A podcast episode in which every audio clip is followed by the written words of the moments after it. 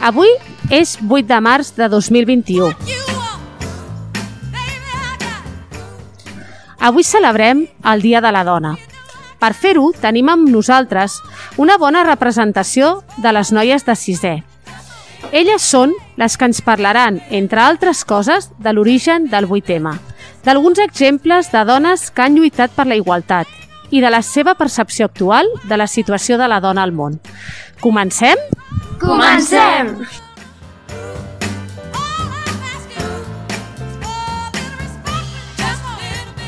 El 8 de març s'ha convertit en un símbol per a les dones dels cinc continents. La celebració no es basa en un únic fet, ni tampoc ha tingut sempre el mateix sentit. La història canvia, és dinàmica, i el sentit dels símbols i significats també.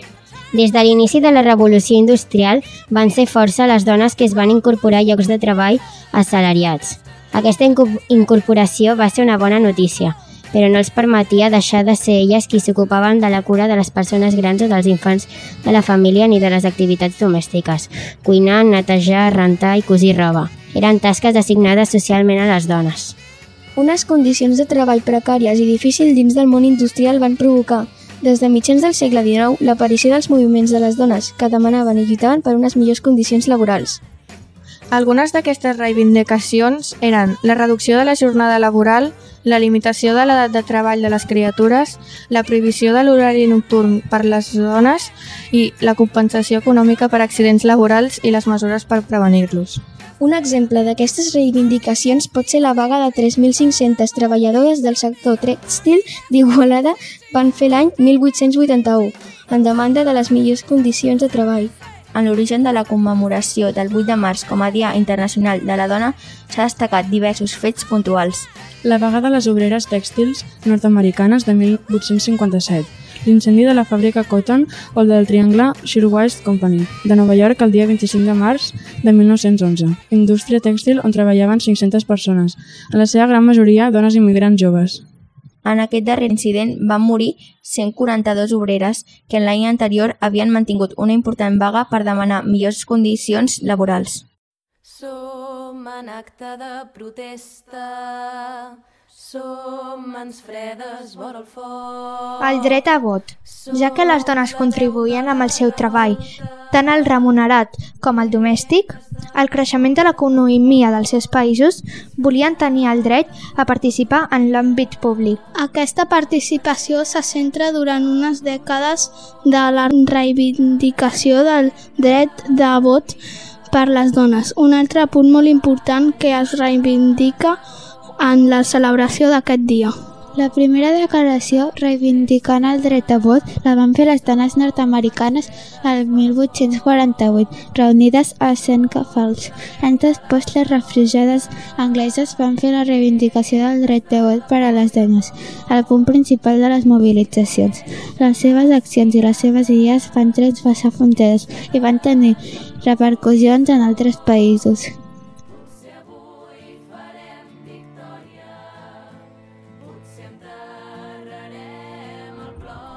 A partir de 1908, les socialistes nord-americanes van celebrar el Dia de la Dona el darrer diumenge de febrer per reivindicar el dret de vot.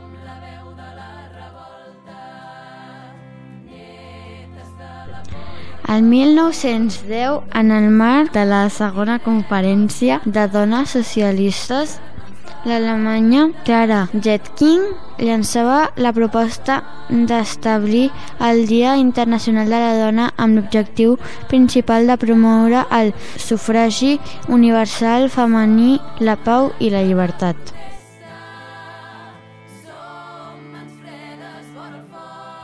Seguint aquestes iniciatives, l'any següent més d'un milió de dones europees i nord-americanes sortiran al carrer. Les primeres ho van celebrar el 19 de març i les segones ho van continuar fent el darrer diumenge de febrer. Aquest fet ha quedat documentat també en pel·lícula com Mary Poppins on Winfred Vance formar part del moviment sufragista mundial femení.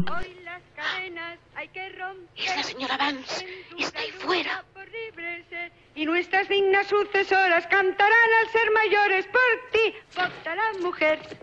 Helen, querida, qué tarde tan gloriosa y qué meeting. Ha sido de los que hacen época. La señora Bitburg se encaramó al coche del primer ministro y le dijo unas cuantas verdades. Señora Vance, yo también quería decirle. Sí, se la llevaron a la cárcel, pero se fue repartiendo propaganda entre los Me guardias. alegro mucho, señora. Yo siempre he intentado sacrificarme. Se lo agradezco mucho, querida. Ya sabía yo que usted era de las nuestras. Fiero soldado con faldas soy, en pos del derecho del voto voy. Que adoro al hombre no hay ni que decir, pero todos juntos son inaguantables. Señora Van. Hoy las cadenas hay que romper, en dura lucha por libre ser, y nuestras dignas sucesoras cantarán al ser mayores. Por ti, la mujer. Me parece muy bien, pero ya que habla usted de romper las cadenas, De yo... Kensington a Billingsgate, un grito solo hay, pues pide el sexo débil ser al varón igual, por la igualdad en el vivir y en el vestir también. Tenemos todas que luchar en guerra sin cuartel. No más humillaciones ni más sufrir. Prefiero pelear hasta morir o hasta vencer. Desearía hablar con usted, señora Van. Hey, hoy las cadenas romper. Señora Van. Amb l'esclat de la Primera Guerra Mundial, la pau es va convertir en la principal reivindicació de les celebracions del Dia Internacional de la Dona.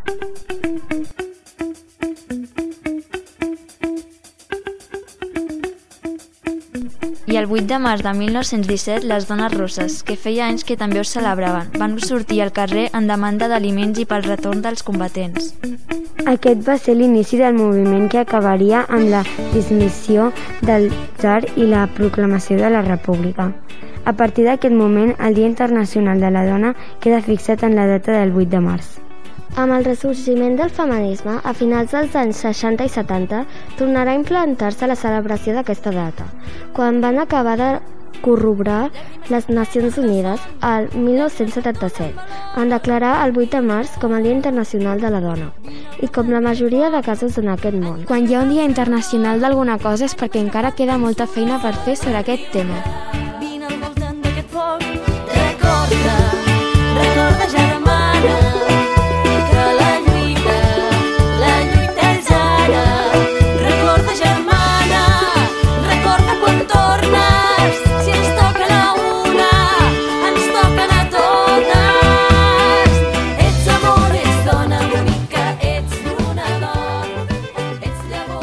Les dones i la història.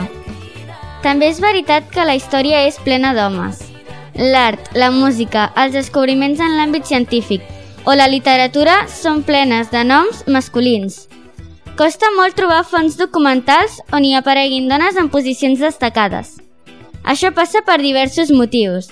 D'una banda, les dones no disposaven de les mateixes oportunitats per accedir ni destacar en aquests camps. I per altra banda, perquè si alguna destacava, també es mirava de silenciar o de treure importància a la seva fita. És per això que avui us volem parlar d'una iniciativa conjunta en què diversos museus donen a conèixer a través d'un espectacle de contacontes, teatralitzat la figura d'una dona relacionada amb el seu patrimoni.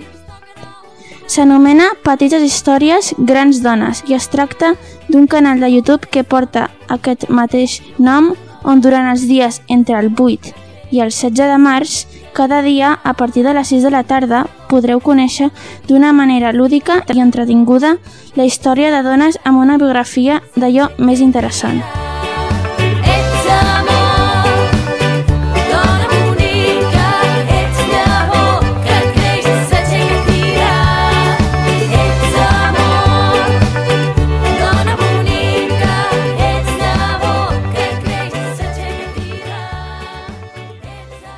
Avui també volem remarcar el paper d'una dona molt coneguda per l'escola que va voler lluitar per donar a les nenes i les noies les mateixes oportunitats que tenien els nens i els nois en el seu temps.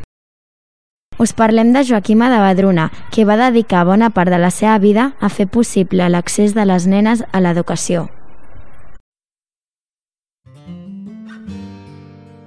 Barcelona, carrer de l'Hospital, 16 d'abril de l'any 1783. Neix la cinquena filla d'una família de vuit germans que pertanyia a la burguesia intel·lectual. Estem parlant del naixement de Joaquima de Badruna i Vidal. El seu pare, Llorenç de Badruna, era notari públic i procurador de la Reial Audiència de Barcelona. La mare, Teresa Vidal i Oriols, natural de Cabrera de Mar, era una dona que va viure pendent dels seus fills, tal com corresponia a una mare de família de l'època. Curiosament, poca cosa se'n diu d'aquesta dona en les biografies que s'han escrit de Joaquima de, de Vedruna. Se'n destaca sempre que es va ocupar de l'educació dels seus fills i que els va inculcar el treball artístic i intel·lectual i la religió cristiana. Tant Joaquima com les seves germanes van rebre a casa l'educació del professorat particular, costum molt, molt estès entre les famílies benestants de l'època.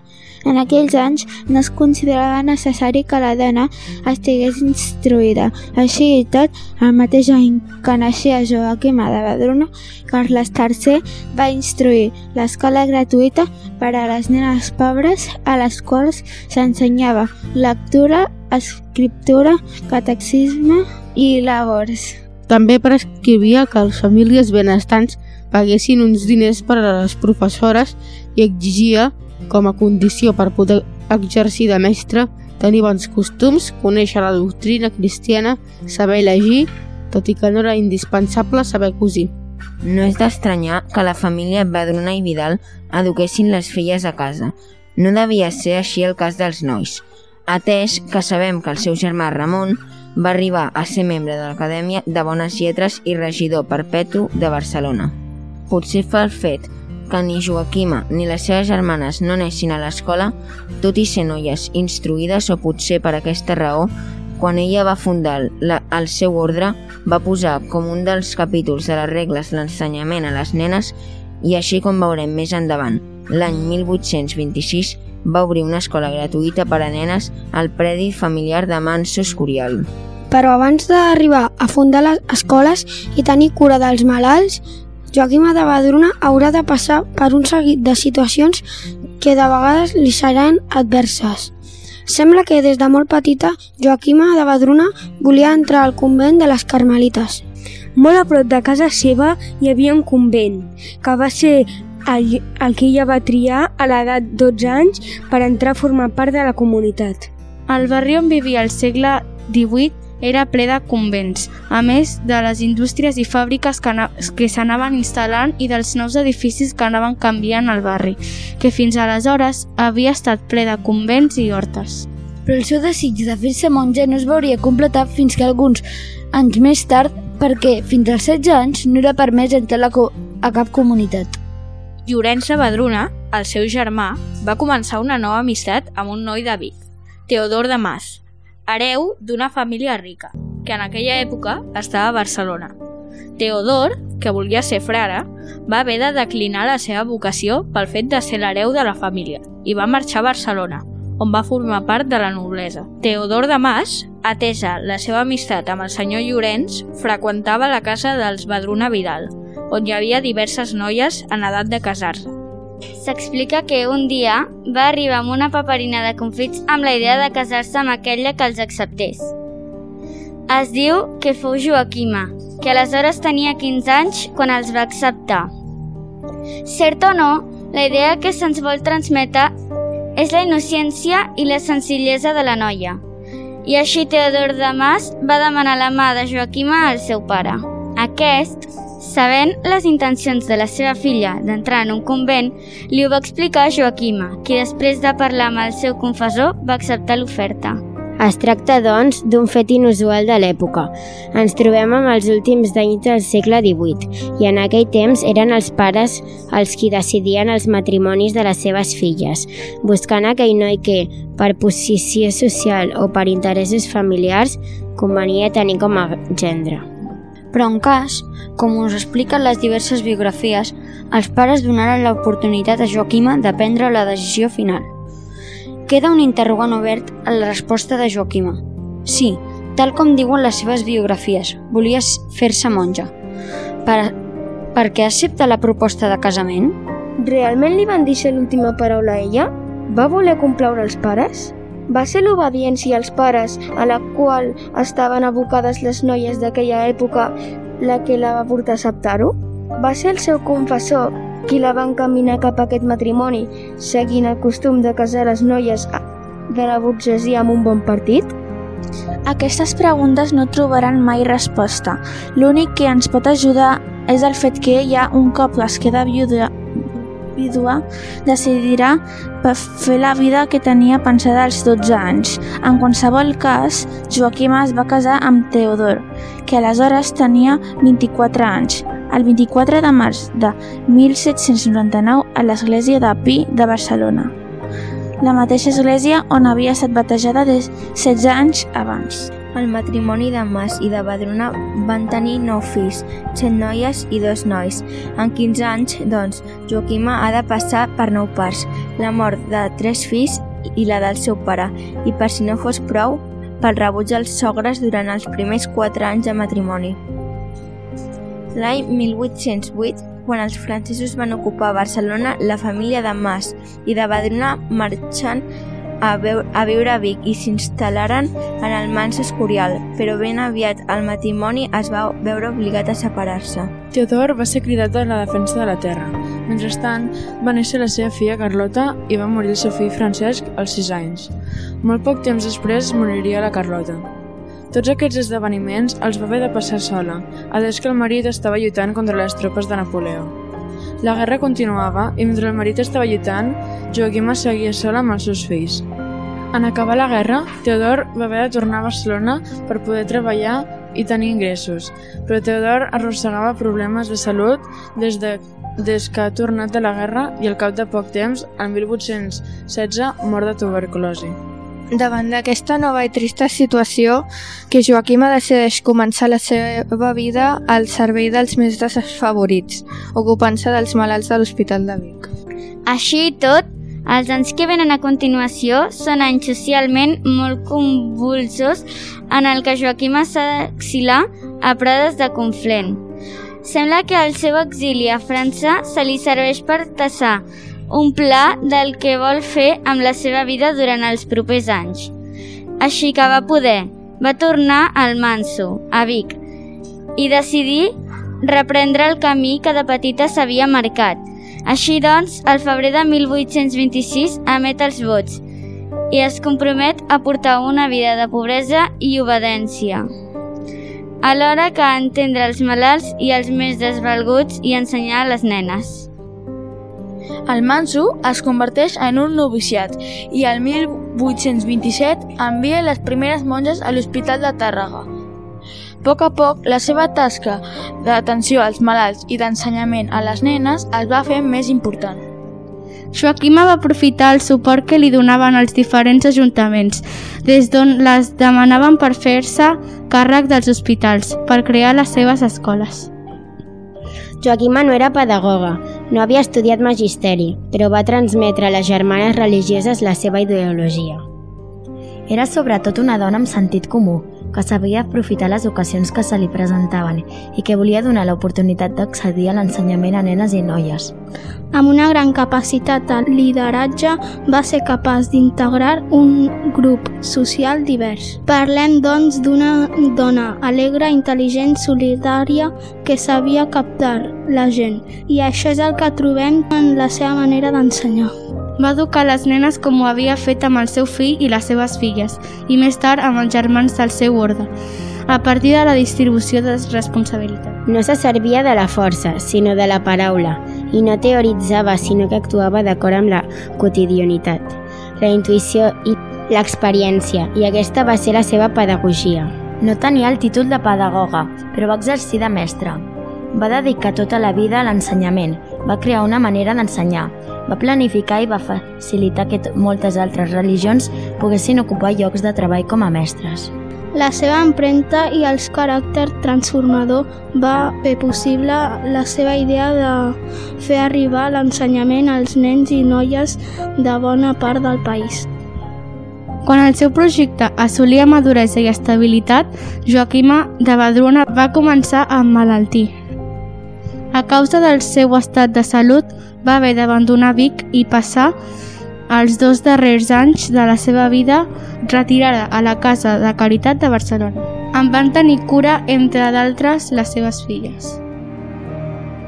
Morí víctima còlera el dia 28 d'agost de 1854, als 71 anys havent portat una vida compromesa i lluitadora. Actualment, el 8 de març ja no és només un crit molt necessari a la igualtat d'oportunitats. També és una demanda clara al respecte cap a la dona per totes les formes de violència i discriminació que rebem i ens estan arrelades i acceptades dins la conducta social actual. Conscients d'això, a classe hem volgut fer un estudi sobre com veiem la societat en qüestions d'igualtat. Ens hem preguntat això que sentireu a continuació. Què ens fa iguals als homes i a les dones? Tots som humans i tenim els mateixos drets. Les dones són igual d'importants que els homes i no importen els estereotips. Les dones han de tenir les mateixes oportunitats que els homes. Les dones han de ser respectades i valorades per tots els sexes. Què ens fa diferents? Els homes han tingut una postura més dominant cap a, cap a les dones des del principi dels nostres temps. A part de ser sexualment diferents, hi ha un munt de coses per les que som diferents. En primer lloc, la diferència de drets. Ens diferencia molt, perquè en alguns països les dones no poden treballar i s'han de quedar a casa, mentre els homes treballen. Els homes acostumen a tenir un caràcter impulsiu cap a les dones. Abans, a les dones se'ls imposaven treballs més domèstics. Ara treballen en millors condicions, però encara amb diferències. Exemples, salari. També a les dones se les considera objectes i les obliguen a una edat molt jove a casar-se. Això fa que perdin els estudis etc.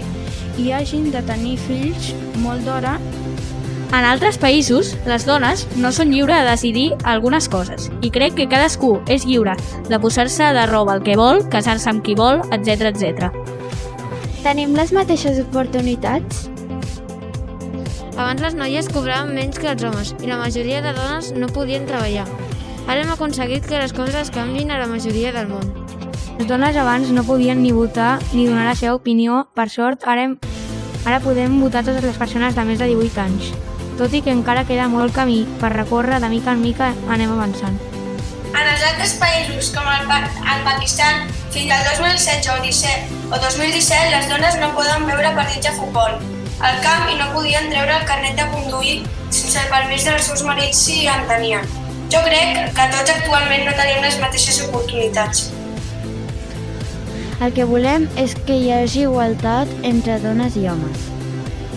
Sí que s'han fet millores. Abans la dona es considerava un ésser inferior i no tenia poder, però no les suficients. Les dones només podien fer feines a casa, no podien anar a treballar. Encara hi ha desigualtat, per exemple. Els nois cobren més que les dones. Els esports encara és injust perquè també paguen més els nois. Encara costa que hi hagi igualtat entre homes i dones. Es valora més el treball de l'home que el de la dona. Això encara ho hem de canviar. Aconseguir consens a la societat seria una millora notable, ja que podríem avançar conjuntament. Encara hi ha homes que discriminen a les dones perquè no accepten que siguin iguals que els homes. Això és machisme.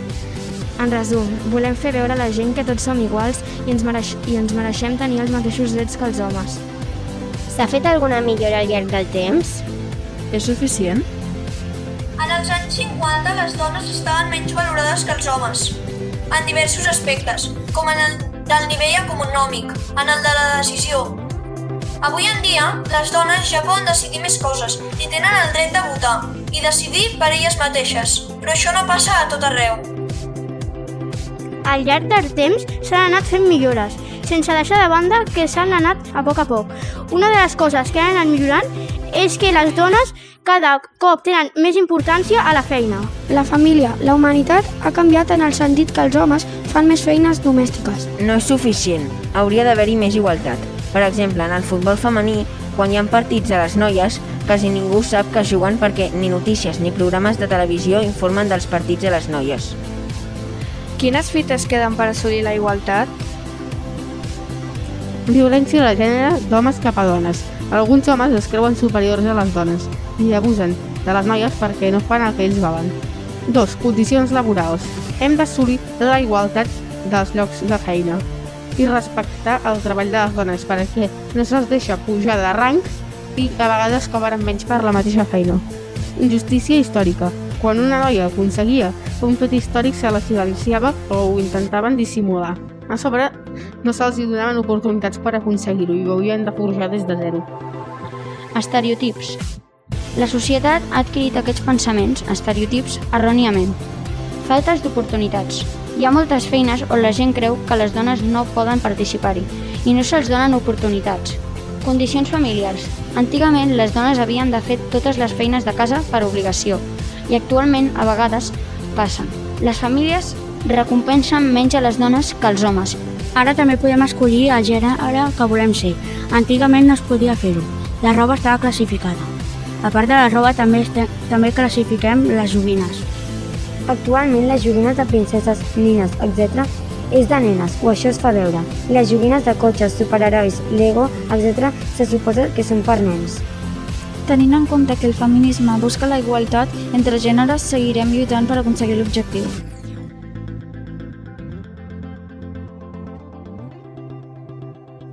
Desde pequeña te lo van a indicar, con las muñecas tienes que jugar, olvídate del fútbol, tú a bailar.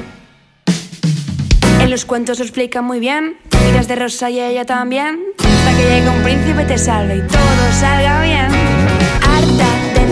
Harta de tanta tontería, me tienen hasta el por no dejarme ser quien quiero. Harta, ojalá que algún día rompamos ese rol. Dejemos de ser princesas, echemos al rey seamos reinas,